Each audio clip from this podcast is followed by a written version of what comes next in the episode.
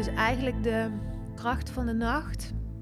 En dan in sociaal eh, opzicht, cultureel opzicht en economisch opzicht. Want zonder een levendige nacht is een stad echt geen reet aan. Wil niemand er wonen.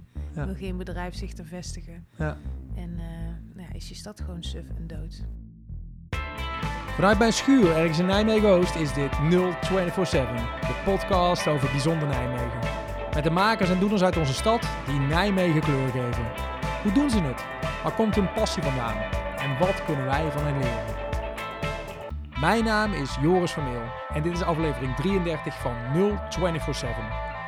Vandaag praat ik met Angela Verkuilen, misschien wel de meest verbindende nacht- en cultuurambassadeur van Nijmegen. Over haar cabaretgroep op de middelbare school, hoe zij nee heeft leren zeggen door haar nachtburgemeesterschap en hoe zij zichzelf opwierp om kwartiermaker te worden bij de basis. Wat er gaat gebeuren is dat ik je een vraag ga stellen en Ja. dat eh, jij antwoorden gaat Ja, precies, dat dacht ik. Nou, je mag mij best ook een vraag stellen, maar Nee, ik, dit concept... eh, ja, nou, het, is, het is allemaal oké. Leven de verwarring, Angela Verkuilen, welkom in de podcastschuur. Dankjewel. Aan mensen die jou niet kennen, die echt geen idee hebben wie Angela Verkuilen is, hoe zou je jezelf aan die mensen introduceren? Jeetje, we beginnen we al meteen met een, eh, een moeilijke vraag. Nou, als je geluisterd had, dan had je geweten dat deze vraag kwam. Ja, shit. Ik, heb- ik vroeg nog, heb ik huiswerk? Maar dit was hem, ja. Het spijt me. Improviseer erop los. Schijn je heel goed te kunnen. Ja, Weet ik uit waar. ervaring. Angela Verkuilen. 1981. Nee. Oer, Oerle. Ja, geboren in Oerlen, een, een dorpje in Veldhoven bij Eindhoven. Opgegroeid als jongste in een gezin van zeven kinderen. Jongen. En eh, toen na de middelbare school dacht ik, ik, eh, ik wil hier weg. En toen eh, dacht ik, ik ga naar Nijmegen, wat toch een gemoedelijke stad is. Niet te ver van huis, maar wel groot genoeg om lekker mijn eigen ding te doen. In eerste instantie culturele en maatschappelijke vorming gaan studeren. Aan de overkant, of niet? Nee, dat was nog bij de NEBO richting Groesbeek. Oké. En eh, want ik wilde iets met theater en ik vond dingen regelen leuk. Dat was eigenlijk de eerste insteek. En toen zat ik daar en toen kwam ik erachter dat ik theater eigenlijk wel heel erg leuk vond. En dat ik daar veel meer mee wilde doen dan alleen als middel inzetten. Auditie gedaan op de toneelschool in Arnhem als theaterdocent. Ehm, aangenomen, toch nog even een jaartje op reis geweest. Theaterdocentopleiding gedaan. En toen eh, heel hard begonnen als zelfstandig ondernemer. Veel les gegeven, geregisseerd eh, toilettheater The Place to Be opgezet. Dus elke zomer eh, was het feest. Op allerlei festivals en evenementen deden wij, eh, maakten wij een feestje van de wc's. En ja, 2014 ben ik nachtburgemeester geworden van Nijmegen. Dat heb ik vier jaar lang gedaan. Ik mijn hele ziel en zaligheid ingegooid. Echt super mooie tijd, heel bijzonder. Ehm, daarna heb ik eventjes dat ik dacht, oh, nu moet ik even uitpuffen, want het was best wel een intense tijd. Halfjaartje sabbatical en eh, sinds 2019 lekker weer aan de slag als zelfstandig ondernemer. Nou, tot zover de samenvatting van deze podcast. In de rest van de podcast, beste luisteraar, zult u gaan luisteren naar de verdieping op, deze, op al deze dingen. Wist jij vroeger altijd al dat je iets met theater wilde dan? Want CMV, dat, daar zit iets cultureel, eh, maatschappelijks in. Daar zit ook een, theater is dan een, een middel, zeg je zelf al? Ja. Deed je op de middelbare school al iets met theater dan? Of hoe, wanneer Ja, weet je zat- dat? Nou, ik wist niet dat ik echt iets met theater wilde gaan doen. Want ik wist toen ik jong was niet dat het kon eigenlijk. Dat je daar echt je beroep van kon maken. Maar ik had er wel altijd al interesse in. En ehm, ik vond toneelstukjes doen altijd heel leuk, ook al op de basisschool. En ik zat, eh, ik heb een cabaretgroepje opgericht op de middelbare school. Oud was je toen? Eh, 14? Eh, Oké, en met wie was dat? Met, eh, Met klasgenoten. Ja, we hadden elke, elk jaar hadden we een culturele avond. ja. En ehm, het begon met een toneelstukje en toen eh, nou, vonden we dat heel leuk. En toen dachten we, nou weet je wat, we gaan het jaar daarna weer samen iets doen. Oh ja, iets met grapjes en iets met sketches. En, eh, dus ik ben, eh, ja, toen hebben we een cabaretgroepje gemaakt. Hoe heette je? Elk jaar anders. Dat is wel een hele leuke naam. Ja, dank je. Nee, het was, eh, elke keer gingen we weer kijken van hoe gaan we nu Je richt jezelf en- elk jaar opnieuw op. soort van, ja. Of, of de, we hadden niet echt een naam, maar dan de titel van het stuk. Ik weet nog één keer was het, ja, daar ging de preparaatbak, is een titel Daar geweest. ging de preparaatbak. Ja, is een preparaatbak? ja goede vraag. We, we oefenden in de pauze in het biologielokaal. Dus het preparaatbak was een bak met preparaten. Ja, goed. Eh, de gordijnen op school kunnen echt niet meer. En kan ik me ook nog herinneren. Eh, nou ja, dat was... Daar is de, de, de basis gelegd, het zaadje geplant. Ja. Ja. wat, was het hoogtepunt? Want als je nou terugkijkt naar een van die voorstellingen, waar denk je van, nou, dat was wel echt tof gedaan van ons. Nou, uiteindelijk hebben we, zijn wij ook het eh, eindexamen cabaret gaan doen. Wat, wat is dat? De- de- Dat was dan dat je eh, eerst was dat, dat de klas beneden de eindexamenklas dan een leuk stukje deed voor de eindexamenklas. Eh, maar er waren weinig mensen die dat wilden doen. Dus volgens mij zaten we in de derde of vierde of zo. En toen werden we gevraagd van willen jullie dan Oh joh. eh, het eindexamen cabaret doen? Dus wij, oké. En dat was heel erg leuk omdat je dan over ja, de personen in de eindexamenklas eh, van alles moest verzamelen en daar sketches over maken. En, eh, dus dat was heel erg eh, ja, grappen over mensen in plaats van random grappen. Tegelijkertijd is het wel vet heftig, lijkt me, als je 14 bent, 15 bent. En de eindekla- hoe oud waren ze in de eindexamenklas? 17? 17, 18. Dat is toch super spannend? Eh, ja, daar dacht ik toen nog niet zo over na. Nee. Je deed gewoon. Ja, dat deden we gewoon, ja. Ja. En dan was het altijd de kunst om grappiger te zijn dan het docentencabaret. Oh, Want dat had je ook nog. Ja, Zoals een soort interne wedstrijd. Ja. Wauw. dus dat, uiteindelijk was het gelukt. Maar daar was dus de basis gelegd. Dat je een eigen cabaretgroepje had op, het, op de middelbare school. Wauw. Ja. En eh, eh, ja, je, eh, je komt uit Oerle, dan zit je op school in Eindhoven, Veldhoven. Veldhoven. En Ja. daar had je geen toneelclubjes of iets dergelijks. Je, je- je- of- Ja, die had je wel, maar dat... Ja, ik heb die verder niet opgezocht. Nee. Of- nee. Wij repeteerden altijd gewoon lekker bij ons in de stal achter. Ja. Omgebouwd als repetitiehok voor mijn broer. En daar kon ik dan eh, tien jaar later eh, mijn cabaret gaan. eh, Je broer had een bandje. ja, Dus alles was al zo geregeld. ja. Oh, Tapijt tegen de wanden, bankstellen erin. Oude piano stond er. Het wacht op jullie. Ja. Daar waren jullie. Oh, wat cool. CMV, twee jaar. En toen, toen kwam je er dus achter... te- ik moet meer met theater dan het alleen als middel inzetten. Wanneer weet je zoiets? Goeie vraag. Ik denk omdat een klasgenoot van mij een jaar eerder al had besloten van... hé, hey, ik wil naar de theaterschool. Die is de auditie gaan doen, die is aangenomen... en ik ben af en toe gaan kijken naar dingen die zij deed. En daar werd Aha. ik heel erg enthousiast van. En dus zij heeft me ook wel een beetje aangespoord van... hé, hey, ik kan gewoon auditie komen doen. Ik dacht ik, oh ja, nou, laat ik het eens proberen. En toen was ik aangenomen. Maar ik heb nooit gedacht... Ik, ik vond theater altijd heel tof, maar ik dacht altijd van... ja, maar dan moet je echt heel goed zijn. En dat, is- dat is out of my league of zo. Dat, dat idee had ik toen ik ook van de middelbare school afkwam. En eh, ja, totdat je het gaat proberen en ineens denkt... oh, dat is eigenlijk wel helemaal mijn ding. Ja, kwam je daar gelijk achter? Dag 1 op de toneelacademie wist jij gewoon, dit is mijn plek. Ja, het scheelt misschien ook dat ik kwam echt net terug van... ehm, oh, dat is niet helemaal waar. Bij de auditie zat ik inderdaad nog eh, op CMV. Maar ik vond het heel erg leuk. Ik heb gewoon drie dagen lang, is dan zo'n auditie... En ik heb drie dagen lang zo ontzettend lekker zitten spelen en lol gemaakt. En ik was helemaal niet zenuwachtig, maar ik was gewoon lekker. Je dingen Bezig, ja. wat cool. Ja. Je ging nog even op sabbatical daartussen. Of nee, dat zat ja, later dan, maar je ging nog even op reis. eh, Ja, precies. Nou ja, goed, ik was dus aangenomen. En toen zei ze, ja, je mag je aanname, mag je dan een jaar laten staan. Ik zo, oké. Ja, dus toen ben ik inderdaad in het tussenjaar ben ik eh, gaan reizen in Australië. En toen kwam ik eigenlijk, eh, ik was net terug en toen startte de opleiding. Dus toen kwam ik ook nog helemaal fris en fruitig en blij en eh, opgeladen terug om te beginnen aan mijn studie. Wat leer je op een toneelacademie? Improviseren Ja? kun je leren. Ja, ja heel veel. Ja, en- vooral de theaterdocent, je leert en zelf spelen, je leert theater maken, eh, nou ja, de, de kunstgeschiedenis, je leert ook doseren. Echt, eh, ja, pedagogische perikelen. Ehm, en hoe je, ja, ik, ik ben de, de richting educatie opgegaan. Dus meer van hoe kun je nou een eh, brug slaan tussen de, eh, de toneelstukken, de kunst die gemaakt wordt en ehm, het publiek. En wat kun je daar nog meer uithalen dan alleen maar het, eh, het kijken naar kunst. Snap je? Ja, zo ongeveer. Als je nou een toneelacademie gaat, dat, dat, was, dat leidde ook op tot docentschap.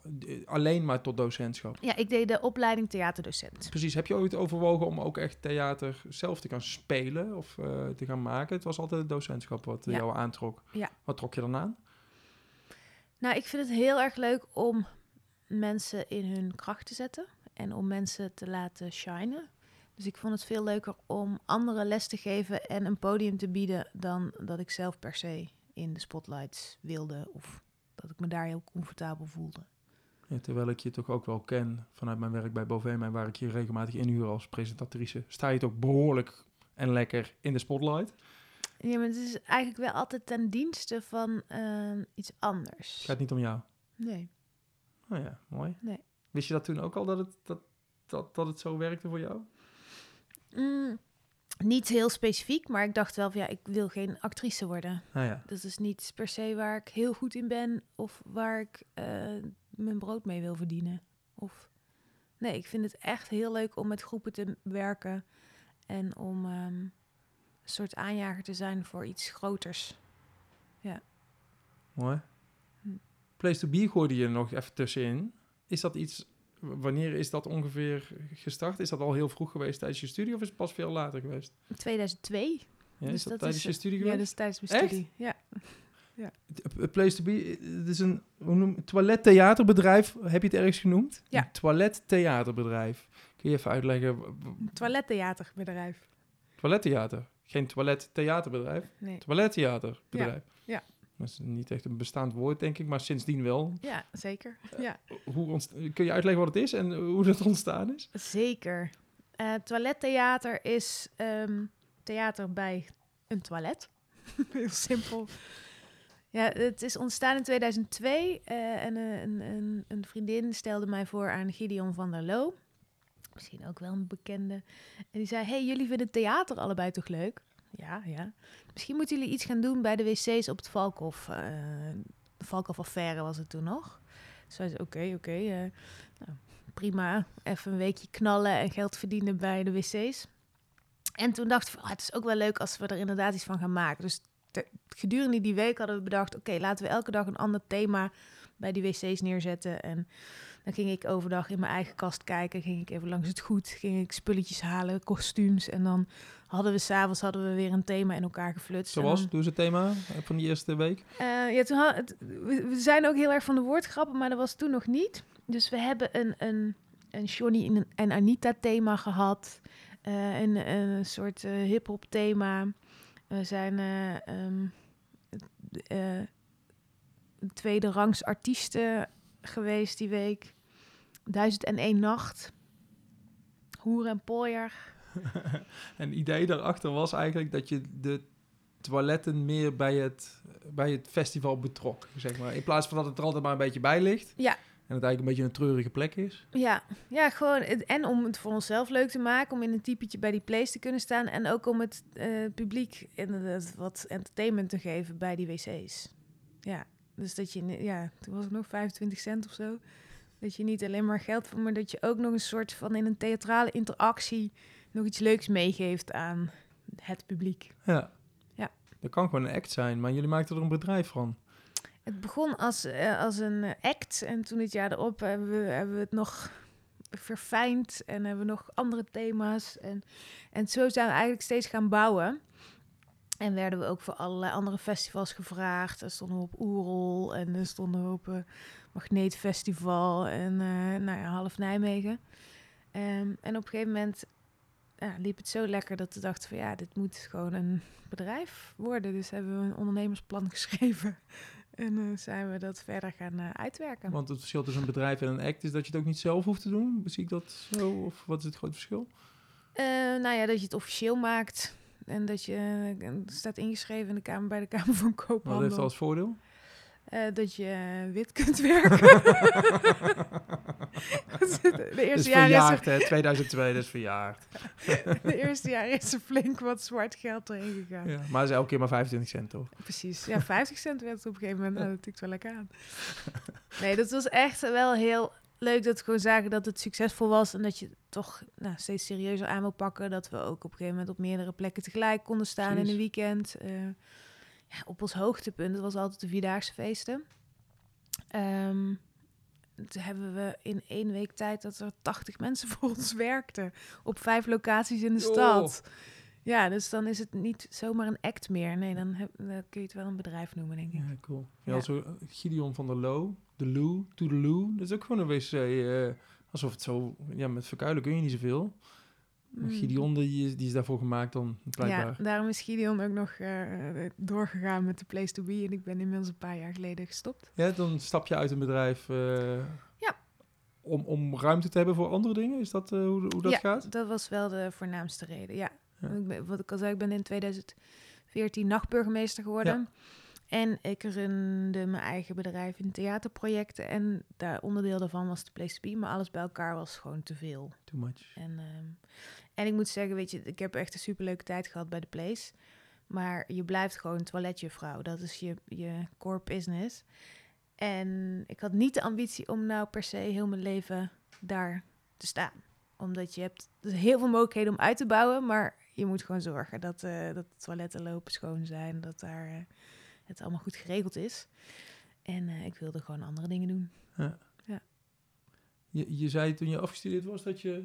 eh, ja, dan ben je projecten gaan doen hè, eh, als theatermaker. Ja. Kun je er eens eentje uithalen? Wat voor project je dan doet? Word je dan freelance ingehuurd? Of hoe gaat zoiets? Ja, wordt- ik was sowieso freelancer. Ehm, ik heb bijvoorbeeld, was ik vaste theaterdocent bij het Rood Theater in Rotterdam. En daar werd ik ingehuurd om theaterworkshops te geven. Veelal middelbare scholen, maar Ah, ook ja. soms volwassenen. Of eh, educatieve projecten. Een heel mooi project, ooit in samenwerking met het Boymans van Beuningen. Zij wilden een theatrale rondleiding voor eh, gezinnen. Dus die heb ik ontwikkeld en dan eh, ging ik daar op zondag heen en dan deed ik die theatrale rondleiding met gezinnen. Ehm, ja, dat. Ik heb regieklussen gedaan. En dus echt met eh volwassenen voorstellingen maken. Ehm, presentatieklussen. Ja. ja, eigenlijk heel veel verschillende dingen. Ja. Ja. En rol je van het ene in het andere dan? Of hoe gaat zoiets? Mm, ja, Het is Ja. gewoon als je je werk doet en je doet je werk goed, dan ja. belt de volgende, dan belt de volgende. En dan moet je leren nee zeggen. Wat, Ja. heel wat ik heel moeilijk vind. Maar Hoe, hoe heb je dat geleerd dan?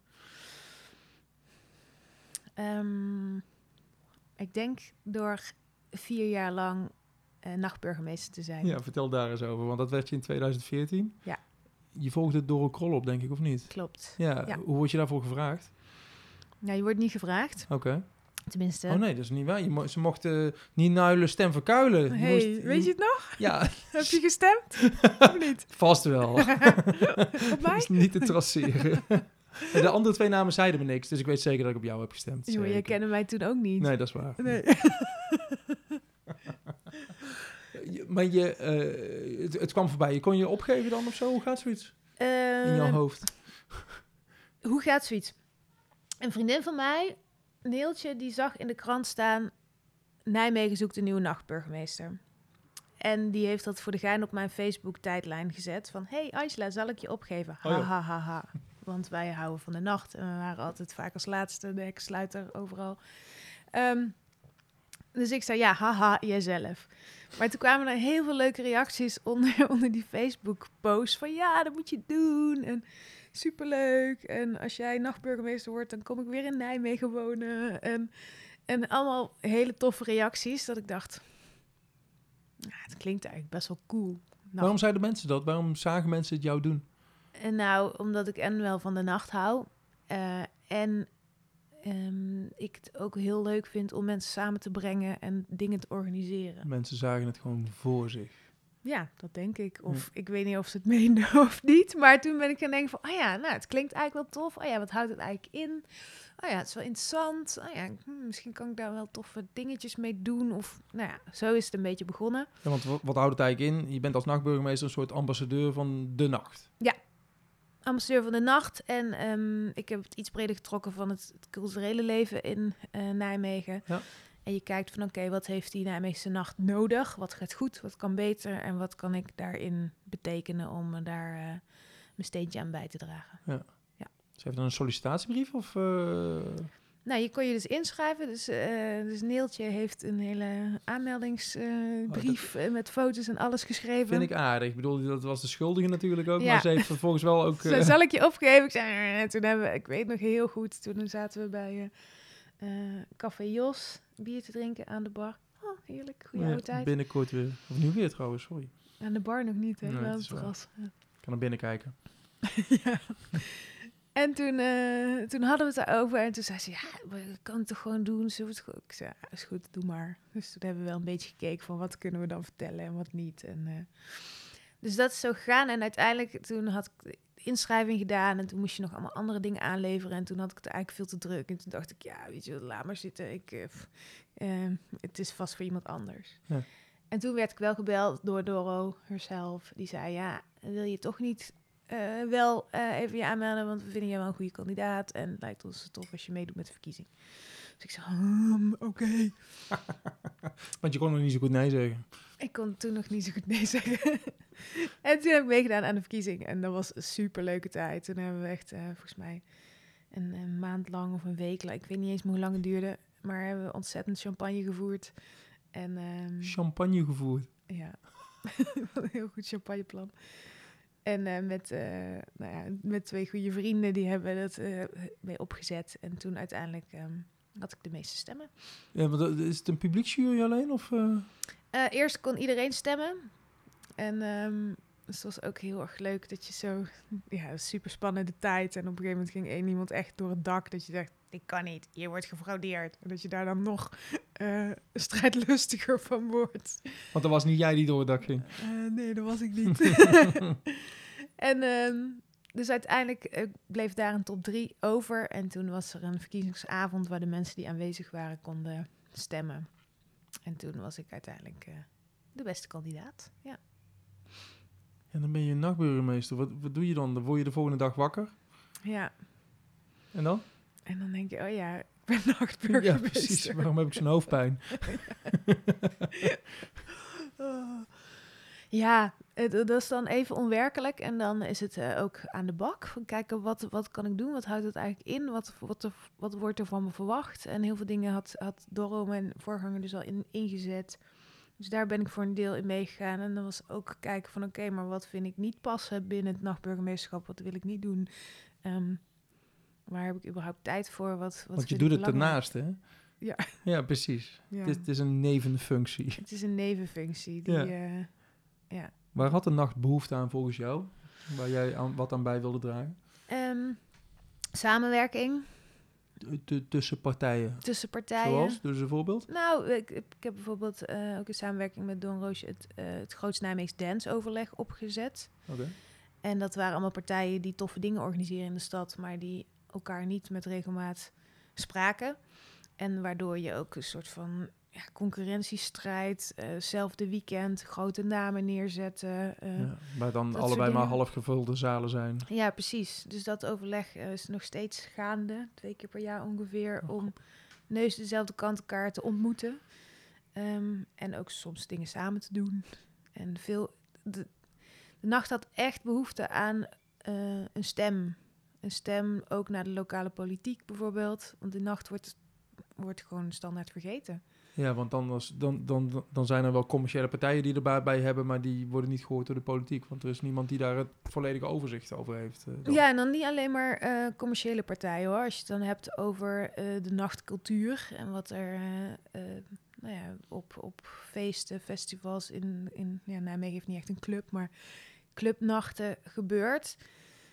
Ja, dat dat echt een belangrijk onderdeel is van de identiteitsontwikkeling van jonge mensen. En dat dat ook echt ehm, ja, de cultuur vormt. En dat daar eh, talenten worden ontwikkeld die straks wel nodig zijn in, eh, weet ik veel, commerciële bedrijven. Of, eh, Dus eigenlijk de kracht van de nacht. En dan in sociaal eh, opzicht, cultureel opzicht en economisch opzicht. Want zonder een levendige nacht is een stad echt geen reet aan. Wil niemand er wonen. Ja. Wil geen bedrijf zich er vestigen. Ja. En eh, nou ja, is je stad gewoon suf en dood. Het was jouw taak, vond jij ook, om bij de politiek te laten horen dat het belangrijk was. Eh, waar, waar strijd je dan voor? Als in, eh, wat zijn dan concrete punten die je er doorheen wilde hebben? Snap wat ik bedoel? Ja. Ehm. Ja, dat is een goede vraag. Ik heb vooral heel erg eh, gewerkt aan dat, dat nachtelijke partijen ook eh, gezien werden en dat ze ook ehm, aan tafel kwamen. Ook in, in gesprekken met culturele partners bijvoorbeeld of culturele organisaties in de stad. Dat een, eh, een partij als Drift bijvoorbeeld daar ook een, een belangrijke speler in is. Eh, ehm, dus daar heb ik voor gestreden. En ook dat binnen de gemeenteraad erkend werd dat de nacht dus een hele belangrijke factor is in de stad. Ehm, dus dat is in mijn laatste jaar van mijn nachtburgemeesterschap heb ik eh, gezorgd voor het stembusakkoord van de nacht. Oké. En dat eh, is ondertekend door volgens mij zes partijen en de VVD niet zozeer een handtekening, maar wel een warm hart. En dat ging over dat, eh, nou ja, dat de nacht wordt gezien als een belangrijke eh, factor, zowel sociaal, cultureel en economisch. Ehm, en dat ze zich daar ook voor in zouden zetten om die nacht eh, veilig, eh, dynamisch, energiek, divers te maken. Het was eigenlijk gewoon een, een teken om te laten zien, dit vinden wij belangrijk. Het was niet zozeer dat dat politiek gezien dat er iets werd aangenomen of zo, maar meer naar buiten toe. Stembusakkoord. Het stembusakkoord, ja. Ja, dat is nog meer. Maar inderdaad, het laten zien van... hé, hey, we vinden het belangrijk, we hebben die nacht in het vizier. Ja, ja. En eh, dat ze daar ook eh, aandacht aan wilden geven. In ieder geval dat dat eh, geborgd werd. En ook een financiële bijdrage die werd geborgd voor de volgende nachtburgemeester. Ah, kijk. Waarmee, ja, precies. Waarmee eigenlijk erkend werd, ja, We vinden het belangrijk, ja. En we vinden het nachtburgemeesterschap ook belangrijk. En daarmee ook een soort, ja, de, de ambassadeur van de nacht. En ja, om die ook te steunen. Hey, als je nachtburgemeester bent, je, je zei het net al, dan heb je gewoon een baan. Daarnaast ben je nachtburgemeester. Heb je daarnaast nog wel een leven? Hoe gaat zoiets? Ja, dat is ook weer een goede vraag. Ja, bij mij was het best wel vervlochten. Ja, Ehm, omdat ik ZZP'er ben, eh, heel veel eh, gewerkt heb. Dus mijn burgemeesterschap ging door mijn andere werkzaamheden heen. Ehm, sommige projecten, eh, ja, dat, dat, dat waren ook gewoon projecten die ik vanuit mijn zelfstandige praktijk kon doen. Ehm, maar ja, ik had weinig eh, ruimte over. ja, dat is wel de conclusie. ja. Heb je heb ruimte echt- nodig? Heb je, is die ruimte nodig bij jou? Ehm, van tijd tot tijd, zeker. Ja. ik heb echt vier jaar lang geknald. Maar daarom, daarna dacht ik, ik moet ook even gewoon afstand en sabbatical. En even helemaal weg zijn. En eh, ja, om ook weer nieuwe energie op te doen. En nieuwe ideeën en nieuwe, eh, ja, nieuwe creativiteit aan te kunnen boren of zo. Ja. En je in 2018 ben je dan geen eh, nachtburgemeester meer. Is dat, is dat een termijn van vier jaar? Of is dat het- tot het moment dat jij zegt eh, tot hier en niet verder? Nee, het was een termijn van vier jaar. Oké, Ja. dus je hebt het netjes volbracht. Dus die heb ik netjes volgemaakt. en ehm, voor de volgende verkiezing hebben we er drie jaar van gemaakt. Omdat vier jaar echt heel lang was. Ja. ja, zeker als je bedenkt dat het is, was bijna een fulltime baan hoeveel tijd ik ermee kwijt was. En het was eh, een nevenfunctie. Ja. Want als je het echt goed aan wil pakken, dan ehm ja, het kost gewoon heel veel tijd. Omdat ik ook eh, als, als doel had gesteld om allerlei partijen bij elkaar te brengen in de stad. En wil je allerlei partijen bij elkaar brengen, dan moet je wel weten wie al die partijen zijn. Dan moeten die, al die partijen ook weten wie jij bent. Dan eh dat is gewoon heel veel tijdsinvestering ehm, in eh, ja, weten wat er speelt en weten wie waarmee bezig is en wie elkaar eigenlijk zouden moeten ontmoeten en wie eh, heel goed samen zouden kunnen werken en wie vooral even moet gaan kijken bij wie. Ehm, en waar nog meer aandacht voor moet zijn. En, nou ja, goed, het, het omvatte heel veel. Ben je blij dat je het gedaan hebt? Ja. Waarom? Nou, omdat ik eh, heel veel bijzondere momenten heb meegemaakt. Neem noem er eens een paar. Jeetje. Oh. Nou, het, het, het toppunt was denk ik wel mijn eindfeest. Bij je afscheid of zo? Ja, Oké. ja bij, de, eh, bij de, de inauguratie van eh, de volgende dagburgemeester en mijn, mijn afscheidsfeest. Nog eentje dan, heette die. en dat was wel echt fantastisch, want ik, ik had bedacht dat ik iedereen met wie ik ooit had gewerkt in de afgelopen vier jaar, dat ik die heel graag op één feest eh, bij elkaar zou willen brengen. En, en dat iedereen iets deed waar die goed in was. En dat dat dan als geheel een soort van afspiegeling was van de Nijmeegse nacht. Mooi idee. Het was fantastisch. Ja, het was, en het was heel veel werk. Het was super spannend, want eh, we hadden vijf zalen in Brebbel of zo. We hadden Oh. heel Brebbel. ehm, wat we wilden vullen met allerlei programmering en DJ's en theater en uh, gekkigheid. En ehm, ja, daar moesten ook dan heel veel mensen op afkomen, want anders dan zou de helft van de programmering in duigen vallen, omdat je dan maar half lege zalen hebt. En, ehm, en de kaartverkoop naar het evenement toe liep nog niet heel hard. En ik dacht, ja, dit gaat goed komen, dit gaat goed komen. Allerlei mensen zeiden ook tegen mij, ja, je moet nu al zeggen dat een zaal dicht gaat en je moet Ja. nu al dingen afzeggen. En ik zei, nee, dat wil ik niet, dat wil ik niet. Ik ga het gewoon doen en het gaat gewoon goed komen. En er waren gewoon echt 1200 man uiteindelijk op het feest. Dus het was gewoon op het hoogtepunt hartstikke vol en super fantastisch. En eh, ja, dat was wel een hoogtepunt sowieso. Wa- Wat zegt dat over jou, dat je dat niet af wilde zeggen en dat je zegt het komt goed? Ja, dat ik gewoon een knijterkoppig ben. Nee, ik, Knijten positief. ik ben sowieso optimistisch, ja. Eh, maar ik heb natuurlijk met heel veel partijen en heel veel mensen samengewerkt. Ik heb heel veel mensen ontmoet. En ik voelde gewoon dat, dat het allemaal bij elkaar zou komen die nacht en die Ja. avond. Ja. Ik weet niet, ja, dat is een soort onderbuik dat ik denk, dit gaat gewoon goed komen. Ik heb hier vertrouwen in en ik... ehm, maar sommige mensen die dachten echt, ja, je bent echt zo naïef. Hè, want eh, officieel, als de kaartverkoop nu zo gaat, dan gaat hij echt niet meer boven dit, weet je wel. Wel dus. Ja, ja. denk, ja, Lekker. het is geen regulier feest, het is geen regulier festival. En ehm, ja, het was fantastisch om, om heel veel gezichten te zien. eh, met wie ik dus ooit had samengewerkt of die ik in, in de loop der jaren had ontmoet, van jong tot oud. En, ehm, en ook heel veel nieuwe gezichten waarvan ik dacht, nou, ik heb jou nooit ontmoet, maar top dat je er bent, weet je wel. Dat. Zit er dan ook nog een receptie bij, dat je bij de deur staat en iedereen een handje geeft eh, om te bedanken voor de afgelopen vier jaar? Eh, nee, het was, er zat wel dus een afscheid en de inauguratie van de volgende Ah, in. kijk, dus het was een officieel moment, dat bedoel ik. Zeker, ja, ja, ja. ja. En vervolgens eh, ja, begon het feest en kwam ik eh, geen meter verder, omdat iedereen wel eventjes zo... Ja, zie je? Dus ik heb De uur- receptie ontstond Ah. automatisch. Ja. Ja, mooi. Ja, volgens mij was het een heel leuk feest. Nu nog eens een bijzonder moment uit je nachtburgemeesterschap. Dit was je afscheid, er zal vast daarvoor ook nog wel iets moois Zeker, Als je zeker. afscheid Nou, het mooiste is, dan is er iets niet goed. nee. Eh, wat ik ook, ja, dat heeft dan weinig met Nijmegen te maken, maar wat wel heel eh, tof was, is dat ik als nachtburgemeester werd uitgenodigd ehm, door het ministerie van Buitenlandse Zaken van eh, eh, Israël. Dan komen die bij jou terecht. Ja, dus, dus het is nu wel een beetje dat ik denk, oh ja, maar ik heb toen de uitnodiging wel aangenomen om met een, eh, een x aantal nachtvertegenwoordigers eh, uit de hele wereld eh, Tel Aviv te komen ontdekken.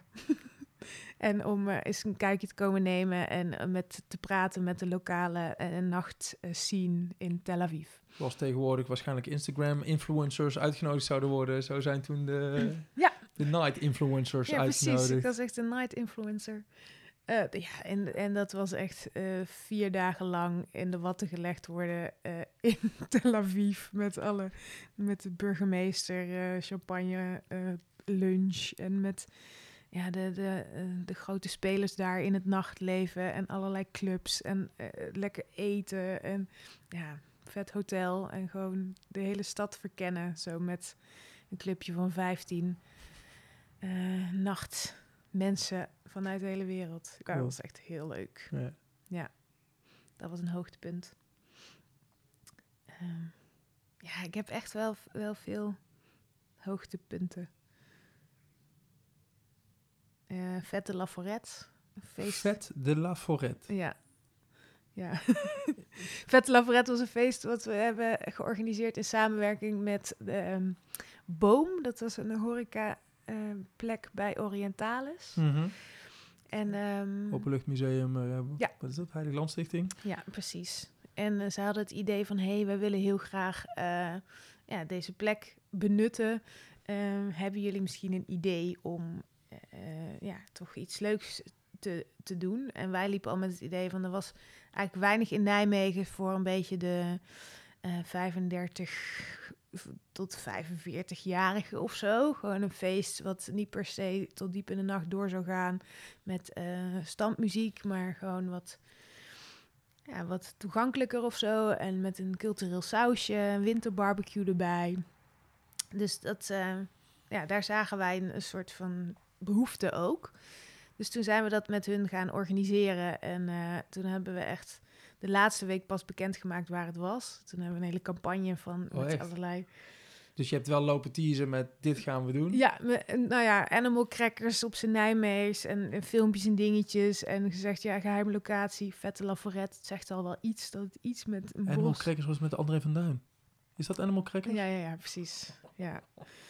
Dus dat was ook heel leuk om daar filmpjes voor te maken. En dan met echte Nijmegenaren die dat inspraken. En uiteindelijk, de, het was al uitverkocht voordat uiteindelijk de locatie bekend werd gemaakt. En voordat iedereen wist wat er zou gebeuren. Gewoon het, de bus eromheen was al genoeg om... Ja. Ja, De behoefte bleek er echt te zijn. ja. Cool. Oh, wat cool zeg. Dus dat was ook heel leuk. En nou, ik ben naar eh, veel nachtcongressen. Dat is altijd wel een feestje.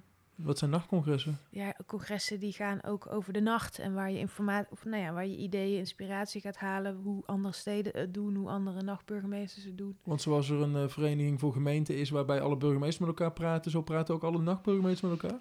Ja. Hoeveel, hoeveel, hoeveel hebben we er in Nederland, of in jouw tijd ongeveer?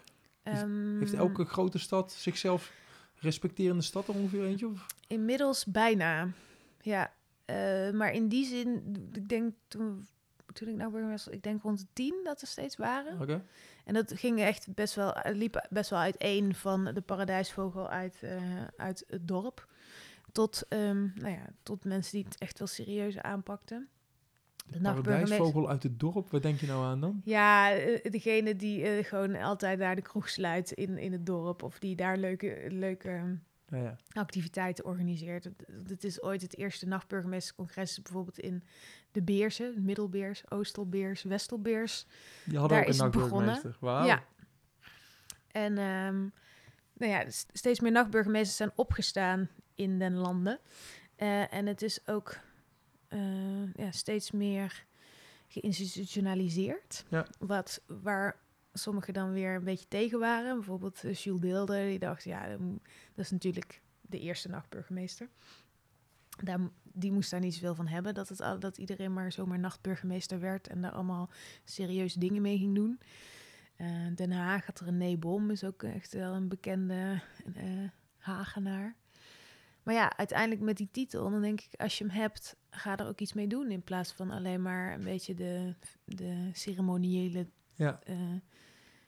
Functie van zien. Want je, je kunt wel gewoon echt veel. Er gaan deuren open en ehm, ja, je hebt een soort mandaat eh, door die titel. Dat vond ik wel bijzonder. Mooi. Hmm. Ja, dus uiteindelijk de nachtburgemeester van Amsterdam, Mirik Milaan, waarmee wij tegelijk, of ik tegelijk nachtburgemeester was, die heeft het ook internationaal op de kaart gezet. Dus die is eigenlijk vanuit Nederland ambassadeur geworden van het nachtburgemeesterschap. En omdat ik ten tijde dat hij dat aan het doen was, een van de actiefste nachtburgemeesters was van Nederland, ben ik dus ook eh, daarin meegenomen als ambassadeur eh, de rest van de wereld in. Dus joh. zo ben ik ook in Tel Aviv terechtgekomen. Ehm, een nachtcongres in Berlijn hebben we nog steeds elk jaar een internationaal nachtcongres. ehm, waar ik dan ook in panel zit en, en eh, spreker ben vanuit het nachtburgemeesterschap. Maar je, je praat nou in de tegenwoordige tijd. Je bent nou nachtburgemeesters af. Ja, Mag je daar dan nog steeds komen? zeker mag ik nog steeds komen. Maar als nachtambassadeur, niet meer als Ja, ja, nachtburgemeester. precies.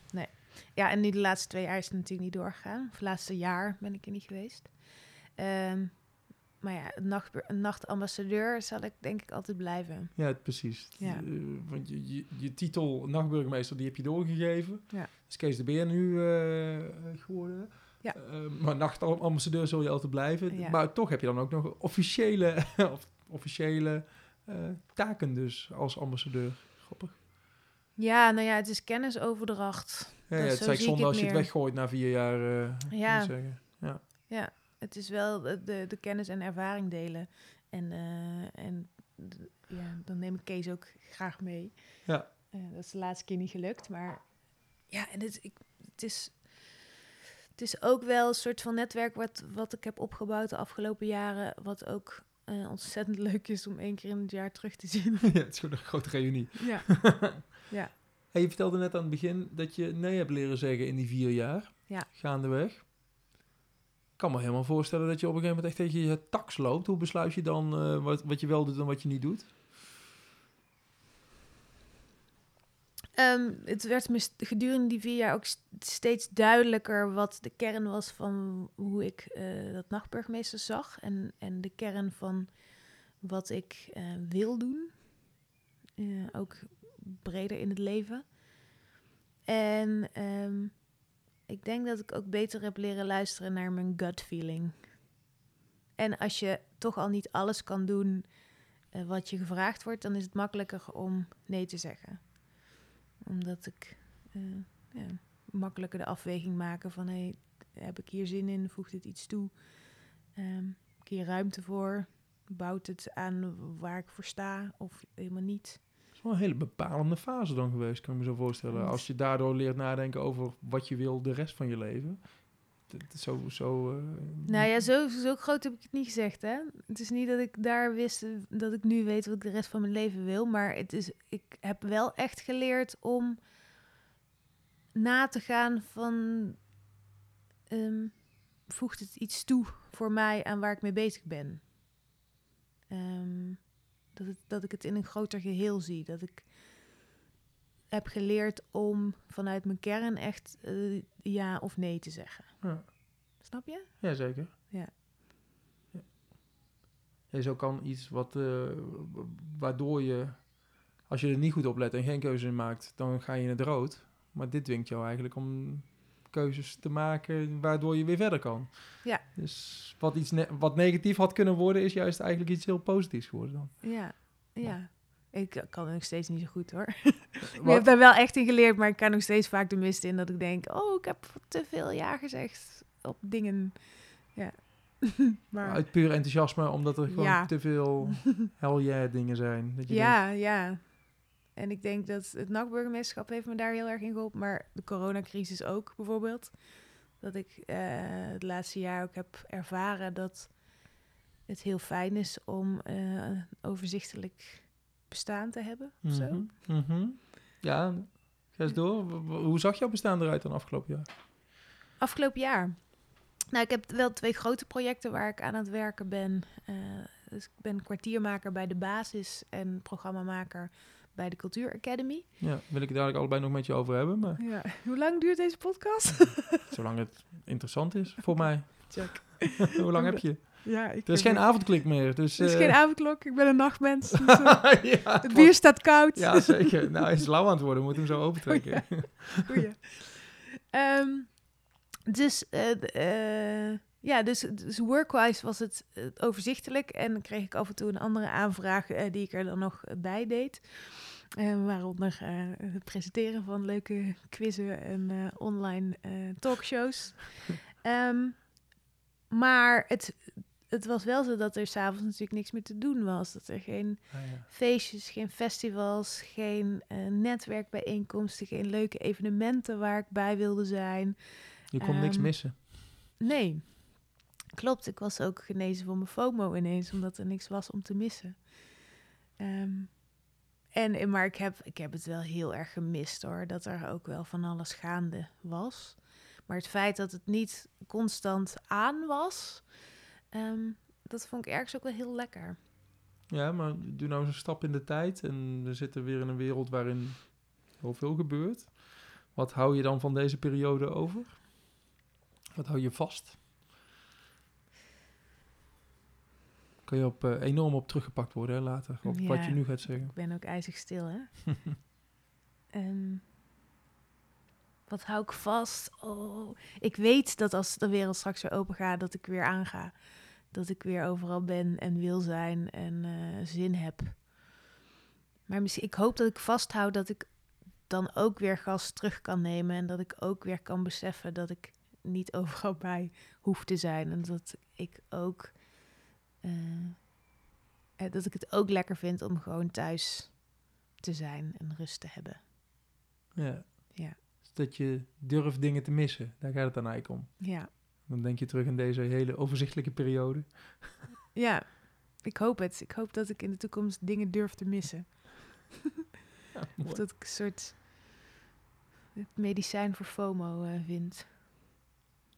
Ja, ik ben heel benieuwd. Ik ben echt heel benieuwd of me dat gaat lukken. Waarom, waarom, ja, waarom zou het moeten? Dat, dat, het moet lukken. Ja, waarom zou het moeten Nee, lukken? hoeft helemaal niet. Nee, dat is ook waar. Nee, maar dat is de best of both worlds of zo. Maar ik ben Ja. ook best wel goed in me aanpassen aan hoe een situatie is. Dus deze situatie, dan denk ik, oh ja, nou, dit is het dus. En dan probeer ik me daar zo goed mogelijk in te redden. En als het straks weer aan is, dan is dat de situatie en dat is ook fijn. Ja. En waar ik, wat ik wel echt over mezelf geleerd heb, is dat ik toch echt wel mensen, de contact met mensen nodig heb om te floreren. Ja, dat heb je afgelopen jaar een stukken minder gehad natuurlijk. ja, ik heb ook afgelopen jaar eh, minder gefloreerd dan ik zou willen. Oh ja? Zou kunnen, ja. Eh, wat is floreren? Wat betekent dat? Floreren. Dat je, dat je een leuk mens bent. eh, is het meer dan ja, dat? nou, nee, meer dat ik in de flow zit en dat ik ehm, op voor mezelf relatief een makkelijke manier me beweeg in de werkzaamheden die ik heb. En eh, dat was nu best wel. Ik heb echt al zitten stoeien deze winter, omdat er geen live contact was met mensen. Dat ik, weet je, wat ik in mijn werk doe is eh, veel verbinden eh, van mensen met mensen, mensen met activiteiten, mensen met evenementen. Met, ehm, maar als je geen mensen hebt om te verbinden, dan, nou ja, dan is het een beetje zoeken van wat dan, weet je Het, wel. het hoe- ging niet vanzelf. Nee. Nee, en ik merk, ik heb ook gemerkt dat ik heel veel haal uit ook toevallige ontmoetingen. Ja. Ehm, en dat daar altijd een flow in zat. Omdat als je ergens eh, op een terras zit, dat ik die tegenkom die ik net nodig had voor dat. En dat ik dacht, oh ja, maar ja, en, ja, Ja. dit, Connecties ontstaan dan eigenlijk. ja. En, en, en dat ik eh, ook wel geïnspireerd raak door de ontmoetingen van mensen. En daar dus weer op een andere manier naar dingen ga kijken. En weer nieuwe ideeën krijg. Weer nieuwe verbanden zie. Het zet je brein vanzelf aan het werk eigenlijk. Ja. Ja. En dat heb ik heel erg gemist in de winterperiode. Dat je denkt, oh ja, hoe, waar, waar haal ik die verbinding in mijn hoofd vandaan? Zo zag het, dus meer een, een eh, gedachte achteraf hoor. Maar wel, dacht, waar, haal ik, waar moet ik het vandaan halen? Waar, waar is mijn energie? Waar is mijn motivatie? Waar is eh, het feit, of nou, waar is mijn drijfveer? ja, mijn motor. Ja. Ja, vond ik wel lastig. Nou, laten we hopen dat we het gehad hebben. Ja. Toch? Maar ja, ik merk nu alweer, als de, nu de wereld weer een beetje open gaat, nu het lekker weer een beetje begint, nu je op, weer op het terrasje kunt zitten. Ja. Ja, dan denk ik, oh ja, oh lekker. Ja, je bloeit Ja. op. Ja, Mooi. heel erg. Ja. Hey, de basis en de cultuur. Academie of Academy? Academy, Cultuur Academy. ja. Forgive me, ik heb het niet bedacht. Wa- waar wil je mee beginnen? Want dat zijn eigenlijk je twee eh, grote projecten waar je nou mee bezig bent. Klopt, ja. Eh, waar gaan we beginnen? Nou, misschien die, die, die het eerste op mijn pad kwam. Dat is de Cultuur Academy. Ja, wat is het? Voor een sterke cultuursector in Nijmegen. Ja, voor een sterke culturele sector. Ja, dat is Ja. Ehm, de Cultuur Academy is een, een- wij zijn een leerplaats voor mensen die in de culturele sector werken. Dus echt voor eh, cultuurprofessionals. Om, om, eh, om, nou ja, wat je al zei, om, om de sector te versterken, maar dat door middel van trainingen, cursussen, workshop, masterclasses, gericht op het eh, ontwikkelen van skills van cultuurprofessionals. En wij richten ons vooral op, op leiderschap en meer eh, de zakelijke kant van eh, de ontwikkeling. Lekker. Ik krijg een heerlijk koud biertje in mijn handen Lekker paulanertje. gedrukt. En een flinke schuimkraag. ja, ik kan niet Maar liefst. Nou, valt mee. Drie vingers. Van wie is de Cultuur Academy? Wie zit daarachter? Welke partij zit daarachter? Wie, wie heeft het opgericht? Het is een initiatief van uh, Cultuurnetwerk Nijmegen. Dus dat zijn de grotere culturele instellingen in Nijmegen. Um, en wat, je, wat een, een trend is, denk ik, niet alleen in de culturele sector, maar overal, is uh, een, leren, een leven lang leren. Mm -hmm. Daar weet je denk ik ook alles van. Mm -hmm. Dus dat je als professional blijft ontwikkelen uh, nou ja, waar je interesse ligt, waar je vakgebied ligt. Maar in de culturele sector is dat helemaal niet zo normaal. Want je, je rolt ergens in. Je begint bijvoorbeeld als uh, barvrouw bij uh, door een roosje. hey, dat gaat je goed af. Je wordt barhoofd. Je wordt uh, bedrijfsleider. Um, en uiteindelijk groei je door naar een, een managementfunctie binnen een organisatie als door een roosje. Maar mm -hmm. dat kan ook de Schouwburg zijn en een bibliotheek. Um, dus vanuit die passie voor de cultuursector groei je door zonder dat je eigenlijk ooit een, een opleiding hebt gevolgd die perfect aansluit bij wat je aan het doen bent in een organisatie. En dat, dat was ook wel een beetje de tendens voor veel organisaties. Plus binnen kleinere organisaties heb je vaak heel veel verschillende taken waar je allemaal een beetje iets van moet uh, zien te bakken. Dus eigenlijk zagen we van hey, er ligt best wel behoefte om beter te worden in verschillende facetten van, van je vakgebied. En dat zijn we nu collectief aan het organiseren. Dus we zijn aan het peilen van waar liggen de leerbehoeftes van mensen die werken in de culturele sector. En hoe kunnen wij zorgen dat we daar uh, in um, nou ja, laagdrempelige, op een laagdrempelige manier uh, trainingen voor aanbieden. Dus dat is in Nijmegen, uh, betaalbaar. Ja. en ook nog met cultuurprofessionals uit je eigen netwerk. Ja, stad, regio. We werken veel cool. samen met Arnhem, met Schakel 025. Waardoor je ook dat netwerk verstevigt en ook van elkaar kunt leren. Wat is jouw rol daar dan? Je bent programmamaker?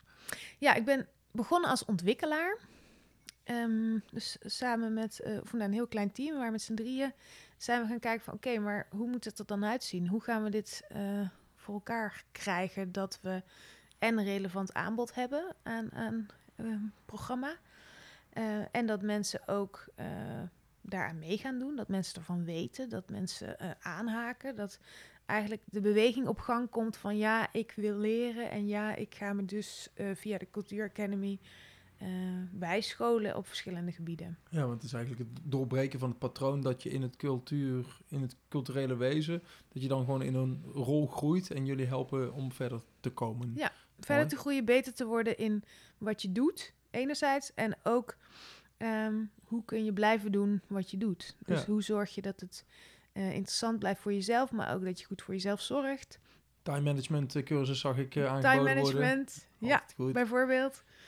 Um, ja, best wel divers. Dus eigenlijk echt de, de actuele zaken waarvoor je denkt... oh ja, ik wil je wel iets in leren...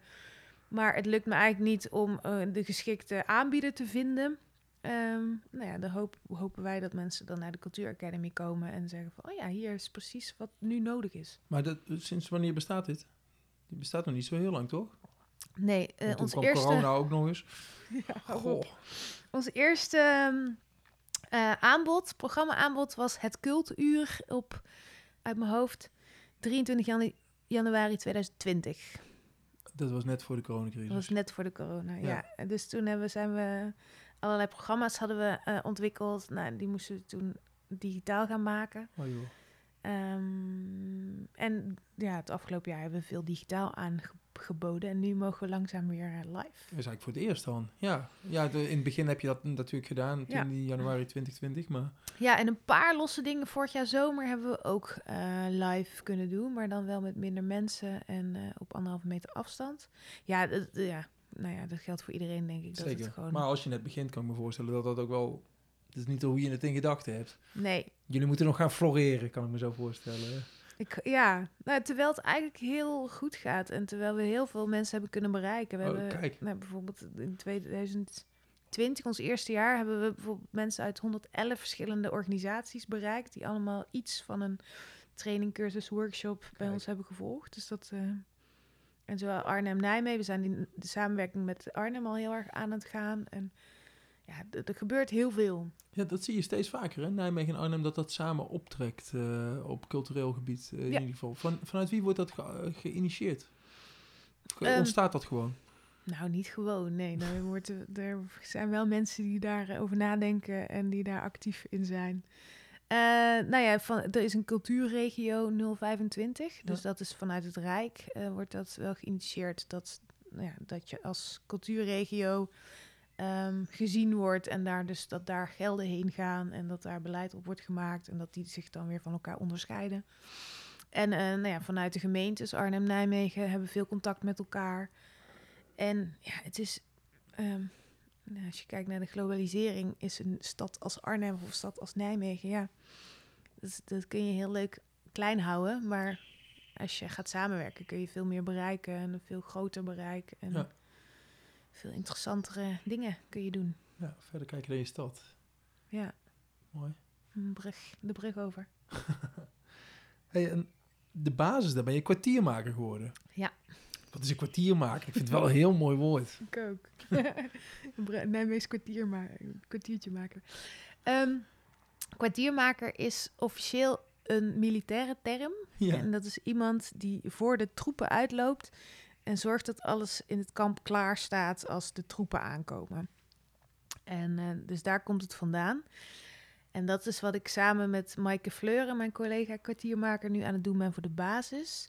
Is dat als straks, eh, en als het goed is, is dat oktober, als de deuren open gaan, voor de mensen die daar een werkplek gaan hebben, eh, dan moet alles klaarstaan zodat we een vliegende start kunnen maken. En zodat de basis als muzikale broedplaats meteen aan is. Ja, want we eigenlijk. moeten even vertellen voor de mensen die geen idee hebben wat de basis is. Het oude Doornroosje. Ja, wat is dat? Groenewoudse weg, denk ik. Ja. weg. Dat, 322. dat pand met die eh, mooie graffiti. eh, wat ooit Doornroosje was, moet nou een toonaangevend muzikaal ecosysteem worden, zag ik op de website Yes. staan. Wauw. dat is- Klopt. eh, wordt op dit, op dit moment keihard verbouwd, hè? Ja. Wat gaat er allemaal in komen? Vertel eens. Er gaan eh, ze- acht, zeven studio's in komen. Ja, goed. Eh, een een eh, repetitieruimte. eh, een, een centrale studio, een opnamestudio, een gastenverblijf, een ontmoetingsruimte, Werkplekken. kantoorruimte, flexwerkplekken. ja, verga- centrale vergaderruimte. Een homebase, een artist residence en een guesthouse, las ik ergens. Die drie functies moet het straks gaan hebben. Ja. Jij noemt zelfs muzikale broedplaats. Ja. En, en, eh, jij moet op de troepen vooruit lopen. En ervoor zorgen dat het straks dan, als, ze, al- als we gaan starten in oktober, dat het klopt. Dat, Ja. dat- eh, hoe doe je dat? Ehm, ja, dat is een goede vraag. Dank je. Nou ja, een belangrijk onderdeel is dat we, als we straks open gaan, dan eh, het belangrijkste wat er moet zitten zijn huurders die daar ook daadwerkelijk eh, gaan broeden en, en muziek gaan maken en eh, aan het werk zijn binnen de muziekindustrie. Dus daar zijn we heel druk mee om nou, de aanmeldingen, die zijn inmiddels binnen. Ja, want mensen kunnen zich tot... Of konden zich, Konden tot zich konden zich tot Ja. 1 mei aanmelden. hè? Klopt. Ja. Ja. En, en hoeveel plekken zijn er en hoeveel aanmeldingen zijn er? Ja, dat is een beetje diffuus, omdat we ook gaan kijken naar in hoeverre kunnen makers ook een ruimte delen met Oh elkaar. ja, want het is niet zo dat je vijf of zeven dagen per week een ruimte huurt. Nee. Eh, nou ja, voor sommigen zou dat wel opgaan. Misschien mensen, sommige mensen zijn echt heel veel met hun muziek bezig. Ehm, maar we hebben ruim 50 aanmeldingen gehad. En nou ja, ja, we hopen dat we de meeste mensen echt eh, een plek kunnen geven. De- dan wel eh parttime, een gedeelde ruimte. En daar zijn we nu heel druk mee bezig. Maar ja, het hele proces eh, naar het aanmelden toe, dat iedereen ook wist wat er aan de hand was, de communicatie naar buiten. Ehm, het netwerk ook al aanhalen, vergroten. Want we werken ook samen met heel Oost-Nederland. Dus Gelderland, eh, Overijssel eh, hebben ook een convenant gesloten. En dat zijn dan de ontwikkelinstellingen waar de basis er eentje van is. Maar ook de grote podia, de poppunten.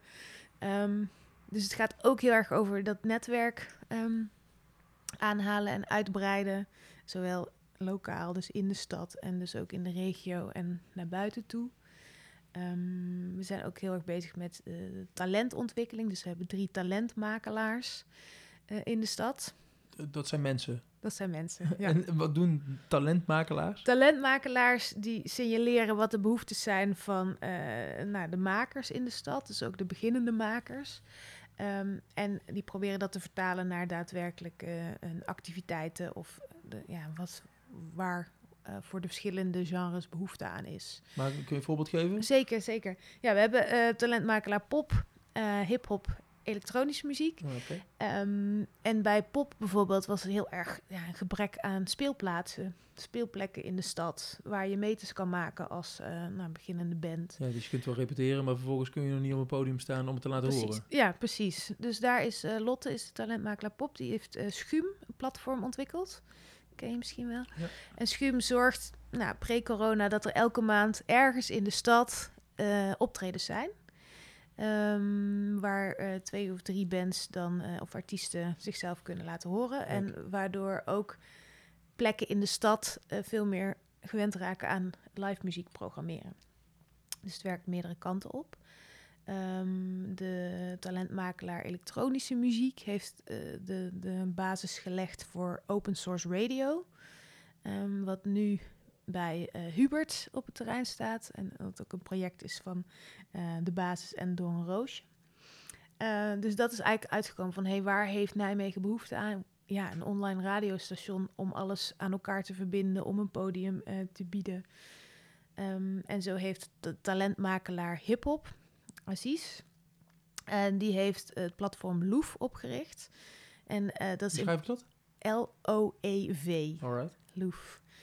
Ehm, ook met het idee om regelmatig evenementen te organiseren waar hip-hop talent ehm, dus, nou, samenkomt, een podium krijgt en nou ja, wat veel, eh, waardoor het ook makkelijker is om eh, de doelgroep te bereiken en om jezelf te laten zien als hip-hop artiest. Eh, dat was pre-corona. Dat is natuurlijk moeilijk in coronatijd. Maar ze zijn ook bezig met talenttrajecten van hip-hop talenten. Dus echt samen tracks maken. En daar is vorig jaar al het eerste album uitgekomen. Dat heet 24 Talents. Beluister hem vooral op Spotify.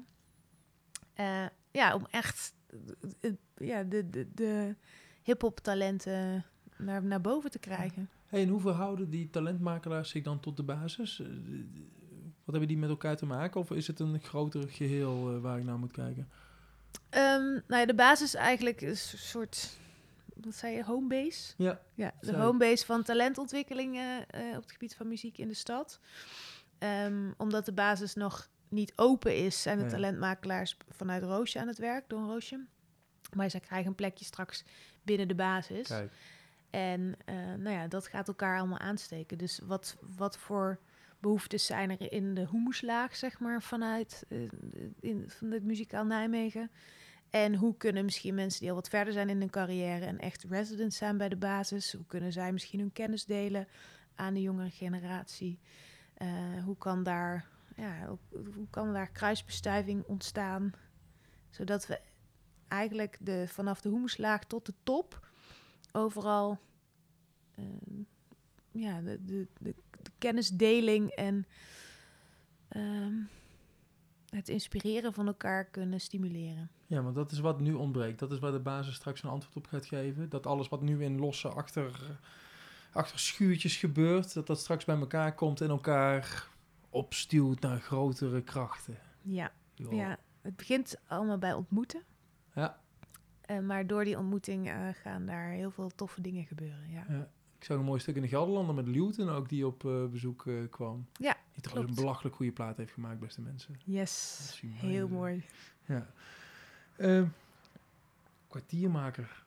Op dit moment eh, wordt er keihard verbouwd, hè? Ik zag wat foto's op de website staan. Dat, die waren van februari, dus we zijn inmiddels alweer drie maanden verder. Oh, er is zoveel gebeurd. Vertel eens, hoe, ver zijn ze? Ja, ik was er laatst en nou, de, de muren staan in de, de wanden staan in de centrale studio nu. Ja. Het is allemaal box in box gebouwd, Ja, omdat dus- ja, met studio's en het moet geluidsdicht zijn. Dat is best wel eh, ook een echt een puzzel. Dus we hebben ook een akoestisch specialist die dat allemaal in de gaten houdt. En, eh, en de, de, de bouwvakkers die dat tot in de details goed aan het eh, fixen zijn. Dus dat was tof. Erboven zijn zes of vijf eh, kleinere studio's gebouwd. En daar zaten laatst eh, de deuren in. Dus die zijn helemaal eh, geluidsdicht. Ik moet dan toch denken aan vroeger boven, waar je vroeger je jas op hing. Nou, in die gang, ja. Ja. Ja, dus die legendarische trap, die blijft. Mooi. Ja. Voor de echt oude mensen zoals wij. Nou, het is wel leuk, want er zijn echt wel veel jonge mensen die daar hun eerste concert bijvoorbeeld ook hebben gehad. Er zijn veel eh, mensen die dan ook komen kijken. Dan vraag ik ook van, nou, kwam je hier vaker? Ik zeg, ja, ja, ik had mijn eerste concert hier, maar ik was eigenlijk 14 of zo. Dus ik Mocht hij wel- niet naar binnen. Ja. cool. En wat heel bijzonder is, de, we krijgen dus ook een, een gastenverblijf voor, met eh, twaalf eh, eh, slaapplaatsen. En dat is echt voor muzikanten, voor artists in residence. En daar zit een hele gave houten wenteltrap in. En die is laatst naar binnen getakeld. Ja, dat was, Ah. dus- ja, dat was spectaculair, want die moest door het raam en paste net wel, net niet. En, eh, dus dat is ook iets nieuws van de afgelopen weken. Ja. En zo gebeurt er elke week weer heel veel eh, moois. Hoe, hoe gebeurt nou zoiets dat jij kwartiermaker wordt? Ik denk dat ik het antwoord wel weet, maar dan word je gebeld door iemand? Of hoe gaat zoiets? Ehm, nou, ik ben in eerste instantie gevraagd om eh, bij, in het bestuur van de basis te komen. En dan ook vanuit mijn ervaring en, en vier jaar lang nachtburgemeesterschap. En een warm hart voor natuurlijk muziek en cultuur. Ehm, dus dat heb ik eh, eerst een half jaar gedaan. En toen kwam eigenlijk de conclusie van... er is iemand nodig die alles aan elkaar gaat knopen. Ja, ja. Ehm, dus daar zijn wel een aantal eh, mensen voorbij gekomen van, oh ja, misschien die, misschien die, misschien die, misschien die. En toen dacht ik eigenlijk, ja, volgens mij, eh, volgens mij moet ik dit doen. ja, Is dat niet kwam- gek om te zeggen? Vond je dat gek om te dat vond ik zeggen? heel gek om te Ja, zeggen. En het maar je was, ook het toch helemaal gedaan. niet, het was ook helemaal niet mijn intentie. ehm, maar toen dacht ik, ja, maar als dit het is en dit en zus en zo, volgens mij kan ik dat. En ik heb ruimte en ik heb tijd en ik, en ik heb een hart voor de basis. En volgens mij moet ik dit doen. Ja, zoals je dus heel goed weet wanneer je nee moet zeggen, weet je dus blijkbaar tegenwoordig ook heel goed waar je ja moet, Ja. moet zeggen. Klopt. Oh, dat is te gek. Ja, ik weet ook wel wa- waarvan ik denk, ja, hier word ik warm van en hier wil ik voor eh, gaan. Ja, ja. Toen stak je je vinger op en toen? En toen was iedereen, toen keek iedereen een beetje, zo, wat? Nou, toen hebben we, heeft het eh, bestuur daar even over nagedacht. En toen was het zo van, oh ja, nou, ja, dat, dat, dat zien we wel gebeuren. En eh, dus toen ben ik uit het bestuur Ja, gestapt. het en, zeggen, anders heb je twee petjes op natuurlijk. ja, nee, dat is niet de bedoeling. En ehm, eh, toen ben ik vanaf eh, januari 2020 eh, kwartiermaker geworden. Cool. Ja, Is Dus func- part-time hoor. Nee, nee, nee. Het is eh, anderhalf dag in de week of zo Ja, ben ik precies. ermee bezig. Ja. Want dat is een tijdelijke functie. En, eh, eh, Tijdelijk als in niet de hele week, maar ook niet... Het is tot aan een oplevering neem ik aan. Want eh, dan arriveren de troepen Precies, en ja. dan is de rest binnen en dan is je, zit jouw werk erop. Mhm. En dan? Wat zijn je plannen Klopt. voor de toekomst? Heb je enig idee wat je, de- wat je later wil worden als je... Als groot ik groot ben. Poppendokter. Wat dan? Nee, dat wilde ik als kind altijd worden. Poppendokter. nou ja, het is nooit te laat om poppendokter te nee, worden. dat is waar. Gat Ja. in de markt. hoor. Ja, wellicht. Ehm, nee, ik krijg die vraag wel vaker van, oh ja, waar zie je jezelf over vijf jaar of over tien jaar? Of... Maar ik vind het eigenlijk heel leuk om nog niet te weten wat ik over vijf jaar aan het doen ben. En dat ik ehm, per situatie kijk wat op mijn pad komt en wat wel past eh, en ook wat niet past. En ik eh, vind het wel echt heel interessant om projecten te blijven doen die echt iets toevoegen aan eh, de stad. En ik denk ook wel dat ik eh, dat Nijmegen mijn hart gestolen heeft. Ehm, dus dat, ja, ik, ik weet niet. Ik laat me vooral. Ik wist toen ik terugkwam van mijn sabbatical in 2019, dat was mei 2019. Ik had nog geen idee wat ik zou gaan doen. Totdat eh de Cultuur Academy op mijn pad kwam en dat ik dacht, ja, dat, dat, dat past bij mij. Ja. Ehm, nou, dus dat ben ik aan het doen. En tot een aantal maanden later eh, op die manier de basis ook op mijn pad kwam. Dat ik dacht, ja, dat past nu. Dat klopt. En eh, dat wil ik doen. Het is geen toeval natuurlijk dat zoiets op je pad komt. Maar welke tip zou je aan mensen kunnen geven? Hoe zorg je ervoor dat dingen op je pad komen? Filosofisch. Ehm, Dat is afhankelijk van jouw eh, antwoord, denk ik. het, ik denk met een open vizier eh, de wereld inkijken. Wat betekent dat? Dat je geen verwachtingen hebt? dat je vanuit kansen eh, kijkt en denkt. Mhm. Dat je vertrouwen moet hebben in dat wat komen gaat. En dat je. eh, het is ook belangrijk dat je dingen doet waar je blij van wordt. Want dat zijn vaak ook dingen waar je goed in bent. Ehm, ja, dat je niet zomaar overal ja op zegt, maar ook naar je onderbuik luistert. Niet forceren. Ja, Mooi. en dan ook gewoon af en toe op je bek gaan. Ook niet bang voor zijn. Nee. Hey, een, een- een stabiele factor, veel stabiele factoren, maar is Nijmegen. Je bent hier komen wonen. Ja. Je bent hier nooit meer weggegaan. Terwijl je wel, Rood Theater zit volgens mij in Rotterdam. Klopt. het is best een eindje. Ja. Eh, je hebt volgens mij nog meer dingen gewoon aan de andere kant van het land gedaan. Maar toch ben je hier blijven wonen. Waarom? Ja. Waarom, heeft Nij waarom heb jij Nijmegen in je hart gesloten? Ja, ik, weet, ik weet het niet precies, maar ik, het is, ehm, ik vind het een hele gemoedelijke stad. Ik vind dat er heel veel fijne mensen wonen. Ik denk dat, ja, ik denk dat de mensen voor mij wel de kern zijn misschien van Nijmegen. Want ik dacht toen ik was afgestudeerd, dacht ik ja, ik zal nu wel eh, heel snel naar het westen vertrekken, want daar zit al het werk wat ik leuk vind. Weet je wel, dat ik, ik had wel de ambitie om bij een grote theatergroep educatie te gaan doen. Want dat is wel vond ik tof. Dat Eh, ging je ook doen, maar toch bleef je hier.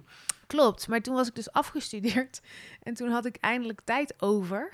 Want zo'n theateropleiding gaat je ook niet in de koude kleren zitten. Gewoon keihard werken.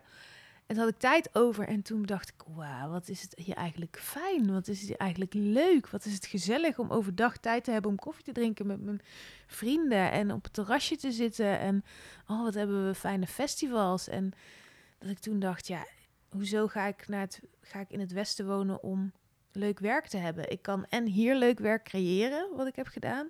En voor ander leuk werk reis ik gewoon af en toe. En dan kan ik het ook doen. En kan ik daarna wel weer terug naar mijn fijne stad. Dat. Goed dat je er bent. Thanks. Dankjewel voor het leuke gesprek. Graag gedaan. Bedankt voor de uitnodiging. Zo, dat was me alweer de 33ste aflevering van 0247.